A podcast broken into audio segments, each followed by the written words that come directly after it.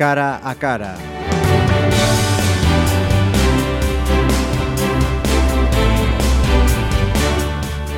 Saludos, eh, tenemos en este cara a cara a Diana López eh, Varela. Estamos aprovechando que está presentando su libro No es país para coños, el mismo título además que lleva una obra de teatro suya. Vamos a decir que es eh, pontevedresa. Pontevedresa, sí. Treintañera. Sí. y tú me dirás si estás de acuerdo o no con ese apelativo que yo he leído de feminista de nuevo cuño. Eh, bueno, yo ya he explicado que, em, y de hecho creo, creo que lo dicen en el libro en alguna ocasión, que em, yo creo que el feminismo es el feminismo, hay muchas corrientes de feminismo, ahora posfeminismo, posporno, pos... Eh, yo, a mí me vale el feminismo tradicional, en principio, para lo que se, se, entiende el feminismo, que es para la lucha del patriarcado, contra el patriarcado y la consecución, consecución de, una, de una ciudadanía con, de igualdad de géneros.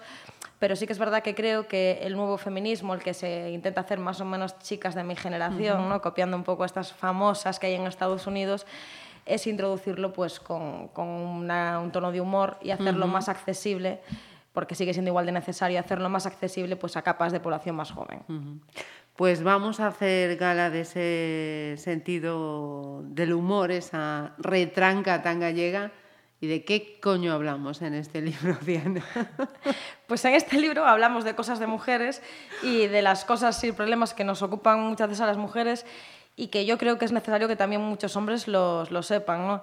En, España eh, hay varios problemas que afectan especialmente a las mujeres. Uno es la pobreza, que está feminizada en este país. Hay una brecha salarial del casi el 20%. Cobramos en general, en total, prácticamente un 20% menos que los hombres. Somos el sexto país de la Unión Europea con, con la mayor eh, brecha salarial. Es un país eh, donde hay una violación cada siete horas. Es un país donde la prostitución se ve como un ocio donde hay uno de cada cuatro españoles que consumen o han consumido, que reconozcan prostitución.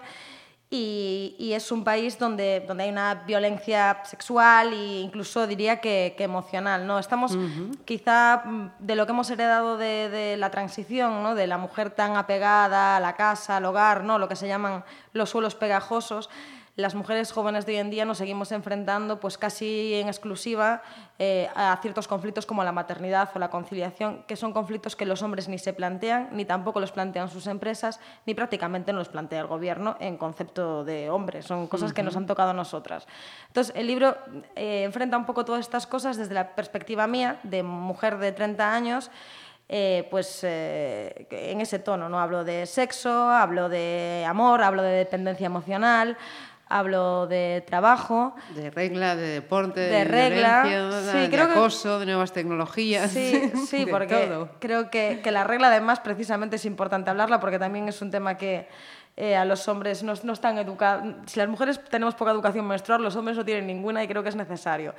Y el acoso, la sexualización, la cosificación. Uh -huh y más con las nuevas tecnologías, ¿no? Eh, que la gente que viene detrás, madre mía, lo que está, lo que está sufriendo lo que está pasando con, uh -huh. con Internet, que ha traído muchas cosas buenas, pero unas cuantas malas también.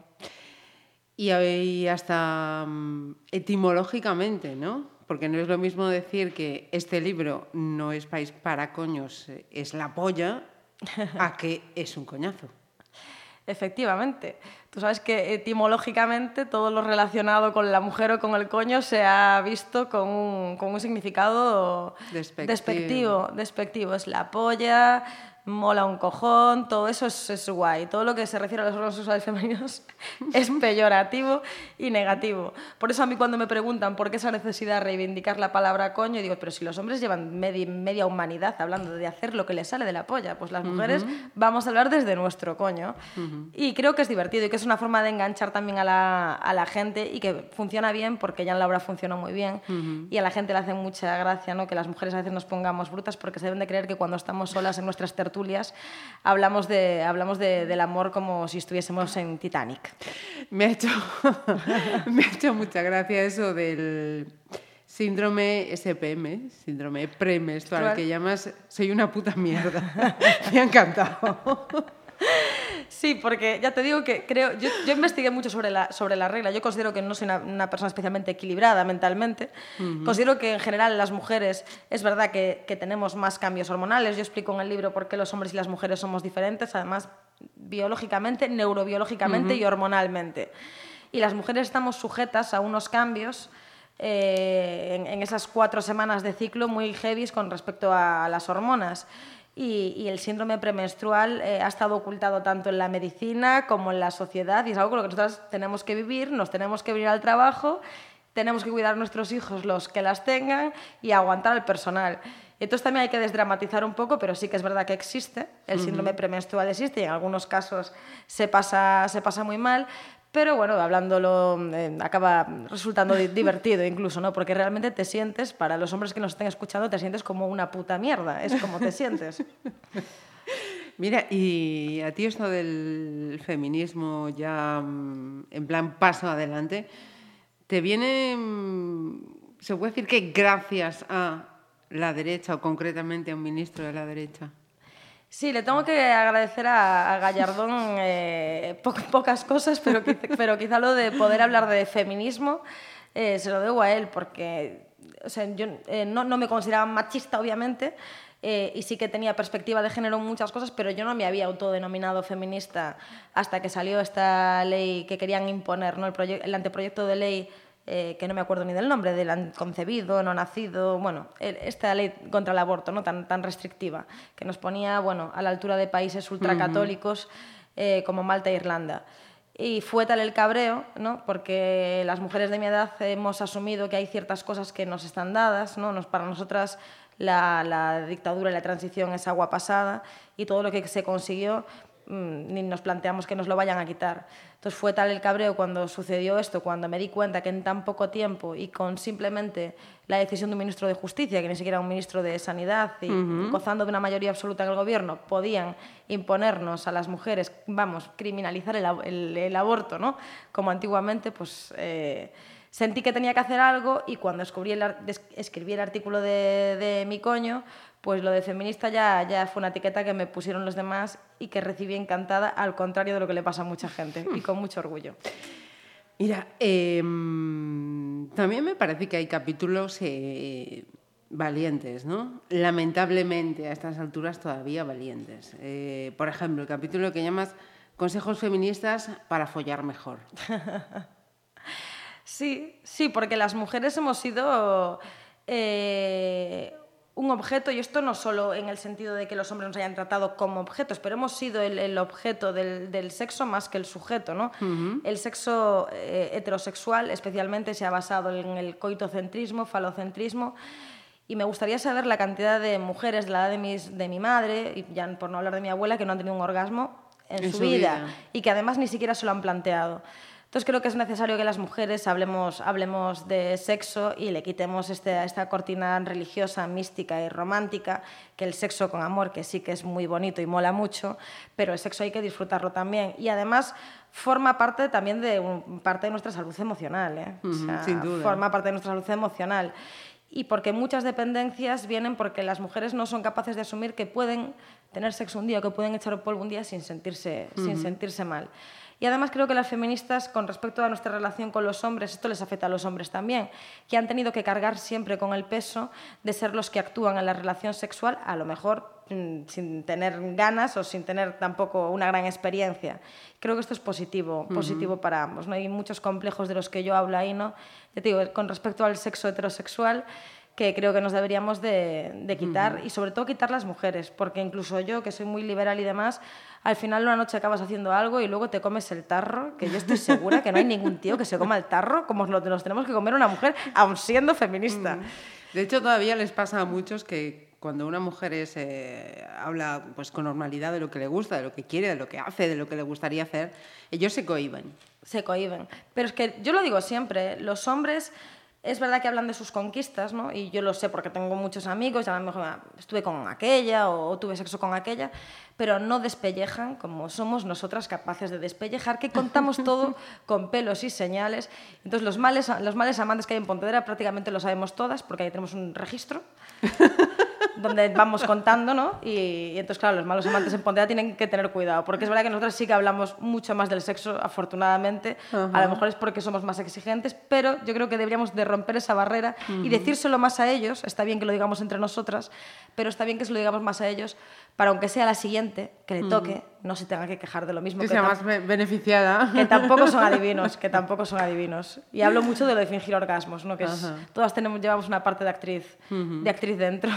Sí, hablabas además con, uh, con datos, ¿no? Y, sí, sí, sí, sí. Lo del sí. libro ha tenido que tener un trabajo de campo también, son muchas áreas, eh, sí. temas muy diferentes, con muchos datos, con mucho... Sí, yo cuento cosas que me interesan, pero que es verdad que esta sensación que... Ti, que este, eh, bueno, todo lo que se basa, pues yo creo que sí, que muchas fingimos, y lo hablo con mis amigas, pero realmente es un ensayo, uh -huh. y aunque sea un ensayo en tono humorístico, incluya pues eh, cosas que me pasaron a mí, anécdotas, sí que es interesante eh, pues saber, saber estadísticas. Uh -huh. Y hay una estadística muy divertida que es la, la principal búsqueda de los hombres en, en Internet, que es sobre el tamaño de su pene, ¿no? la obsesión de los hombres por el tamaño de su pene y que me hizo muchísima gracia porque es un estudio científico uh -huh. que, que, habla de eso, de las principales búsquedas de, de, los hombres. Su principal preocupación es en el sexo sigue siendo el tamaño del pene. O sea, uh -huh. estamos todavía muy alejados de, de conseguir un sexo sano y, y que a las mujeres nos guste de verdad.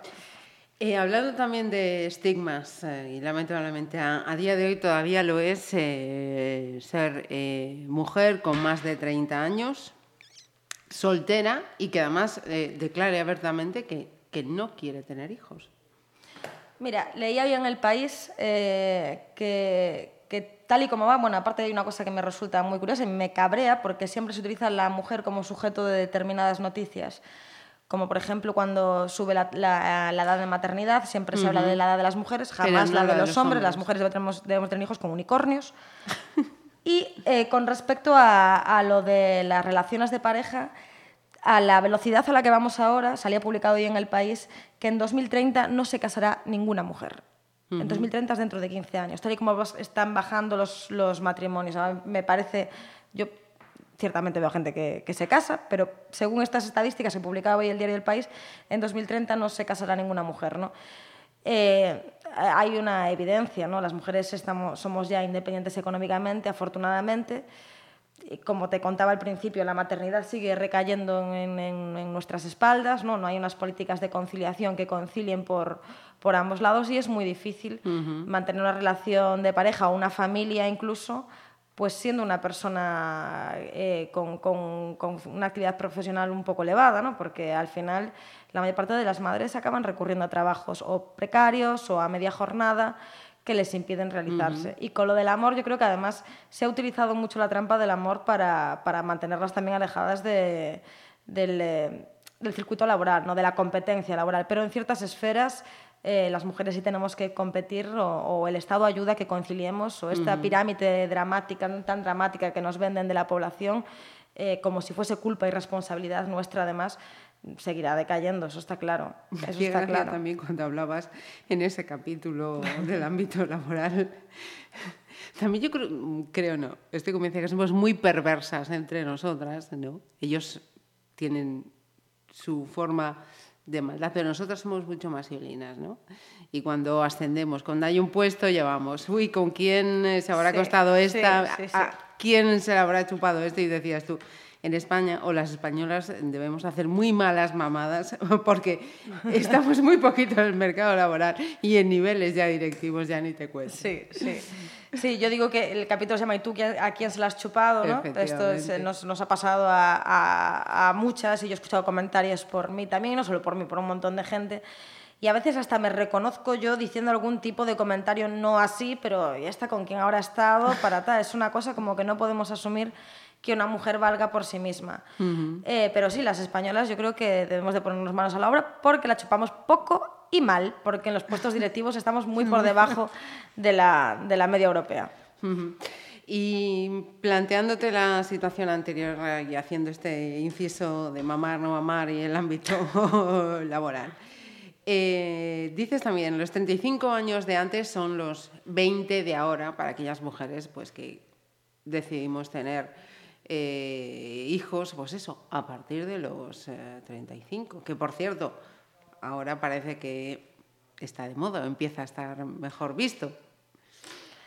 Sí, bueno, la edad media de la de maternidad en España son los 31, los 32 años, que es imposible, ¿no? Una carrera, entre que estudias la carrera, acabas y demás. Es verdad que aparte llevamos un estrés porque el reloj biológico parece que se nos agota solamente a nosotras.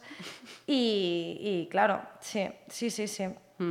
Sí, los, los 35 son los nuevos 20, eso está claro, vamos. En todo. En todo, en todo, en todo. En Qué suerte tenemos. En todo. Yo creo ya que a veces mi madre me ha dicho, si yo hubiese vivido o nacido en la época en que naciste tú, ¿no? Porque bueno, muchas mujeres y muchos hombres también, ¿no? Se casaron muy jóvenes, eh, incluso los que estudiaron se casaron muy jóvenes y, bueno. Pero también porque... La vida se, ha se ha mm, ralentizado. Vivían su vida también, perdona Diana, creo, ¿eh? eh, respondiendo a las expectativas del entorno.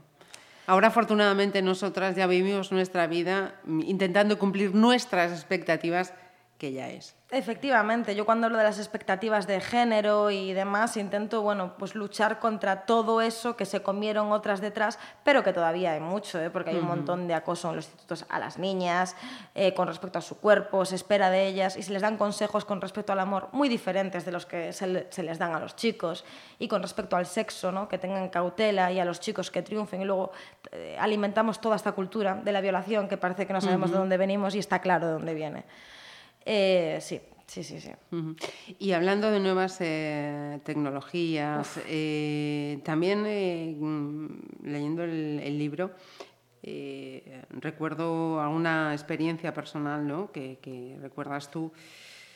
En tu caso, o sea, estamos expuestos las mujeres todavía más aún que, que, los hombres y en el caso pues tuyo, que ahora mismo pues eso, digamos que ya estás en un estatus más expuesto, más público que, que otras personas, eh, no hay por qué aguantar ese tipo de situaciones y sin embargo ellos creen que, que están con todo el derecho. Sí, bueno, eh, al final Internet no es más que un reflejo eh, a lo bestia, porque Internet es un país sin fronteras y sin ningún tipo prácticamente de legislación y de control, pero es el reflejo de lo que pasa en la sociedad. Si el 90% de las mujeres, de las personas acosadas, violadas en el mundo son mujeres, el 90% de las personas acosadas en Internet siguen siendo mujeres y niñas, ¿no? Hay herramientas ahora, yo hablo de un caso que, que fue muy gracioso para, para, la opinión pública, pero que realmente fue un caso de robo de intimidad, que fue el caso de Olvido Hormigos, la concejala de los Llévenes, que se cambió la legislación por todo esto de, de compartir los, los vídeos sexuales privados de una persona. Pasó el otro día con el caso de la chica esta que, que mantuvo relaciones con, con, los de Leibar, con los jugadores de, de Leibar. Y bueno, Internet ofrece herramientas, las plataformas ofrecen herramientas, pero es verdad que, vamos, yo ya digo que Internet es, es, un, es un, puto manicomio. Eh, el otro día hablaba con el, con el juez Tain y, y, nos decía que mm, la cantidad de gente que es pederasta eh, y que no lo sabíamos hasta que le pusimos una pantalla del ordenador delante, ¿no? La cantidad de gente que es pederasta y que es acosadora y que no lo había manifestado porque no tenía narices o posibilidades a, hacerlo al, bueno, pues en, su, en su relación social normal y con la pantalla del ordenador, pues... Y, realmente hay mucha cosa. Hay un tema muy preocupante que es el de la pornovenganza. Yo intento, he dado algunas charlas en institutos, intento prevenir a las chicas de que no compartan imágenes personales porque al final acaban en manos de, de terceros. Pero es muy, yo entiendo también que las nuevas relaciones sociales y casi sexuales empiezan con las redes sociales porque es su primer medio de comunicación. Entonces habrá que prevenirlos a ellos también, a los niños, de que no tienen que compartir eh, información privada de nadie. ¿no? Un poco es lo que animo en el libro. ¿no? Yo digo muchas veces, mira, en Internet tetas y coños hay a patadas, pero nombres de acosadores y de violadores hay pocos. ¿no? Y creo que hay que empoderar un poco a las niñas y a las mujeres para cuando les pase esto, aparte de los cauces legales de, policía, policía informática y tal, es que, que, lo pongan en sus muros y que vamos a ir a, por toda esta gente que está acosando a chicas con el anonimato de, Internet y chantajeándolas. Con toda impunidad. Eh, antes de ir eh, terminando, apuntando esta conversación, eh, ¿tú imaginabas cuando dices en tu libro que estamos en la empresa de tu padre, que te dicen aquí, te dicen allá, hago esto, hago lo otro? Tu vida iba a dar ese giro y llevarte a este momento en el que, por ejemplo, estás ahora con, presentando este libro, un ir y venir de entrevistas, medios. No. no, no. Cuando estaba allí haciendo albaranes de criollos y chorizos no, no me lo esperaba. Sí que es verdad que las cosas... Eh, yo tuve suerte, tuve, hubo gente que confía en mí, pero mm, hay cosas, eh, y a mí me lo, este consejo me lo dieron en su momento, y yo también lo lanzo a todo el que me lo pregunte. A la gente que le gusta escribir o que nos gusten las artes o el mundo de la cultura, hay cosas que se pueden hacer prácticamente a, a cualquier hora. Abrir un blog no cuesta nada, es gratuito. Eh, muchas chicas y chicos me han preguntado, yo pues abrí un blog, me leyó un montón de gente y luego las cosas fueron surgiendo. Ahora hay un montón de proyectos de crowdfunding, de micromecenazgo, de audiovisual, de prácticamente de todo tuve suerte, creo que, que, el discurso viene en la línea de, bueno, muchas veces me preguntan, ¿está de moda el feminismo? Y es como si, si, a mí me fuese a molestar, pues claro que está de moda, y es maravilloso para mí que esté de moda, ¿no? Por fin está de moda, ¿no? Por fin las mujeres estamos en la, agenda, en la agenda pública todos los puñeteros días metiendo caña, ¿no? Porque yo siempre digo que las mujeres hemos abanderado las grandes luchas sociales de los más desfavorecidos y ya hemos sido la ONG de la humanidad demasiado tiempo. Ese es el momento de que los demás también se preocupen por nuestra situación, que es desfavorable en todos los ámbitos de la vida y en todos los países, además, no se salva uno. Entonces, no, no me lo imaginaba y, hombre, efectivamente estoy, estoy muy contenta. Esto es una parte de mi actividad profesional, yo soy guionista, que tampoco me lo esperaba. Eh, y hay mucha gente de mi edad que se ha ido fuera, que ha tenido que buscarse las castañas fuera. Y bueno, eh, vamos a, yo intento cambiar las cosas desde aquí, vamos a exigirles a los que nos mandan y a, votar a gente también pues que mire por la, por la gente joven y a exigirles, ¿no? No solo en las redes sociales, hay que ir a las calles también, yo siempre lo digo, cuando hay manifestaciones, incluso de la plataforma feminista, que somos allí cuatro, ¿no? y luego todos compartimos los artículos contra la violencia machista. Hay que movilizarse y hay, y hay que tener ilusión, porque la ilusión es lo que mueve el mundo. Y por ahí quieres encauzar tu próxima actividad profesional yo me quiero dedicar al, guion audiovisual, básicamente, y probablemente quiero hacer productos de, mujeres y, un poco inspirándome en lo que está en las series que estoy, de las que soy muy fan, ¿no? de, mujeres jóvenes, treintañeras y tal.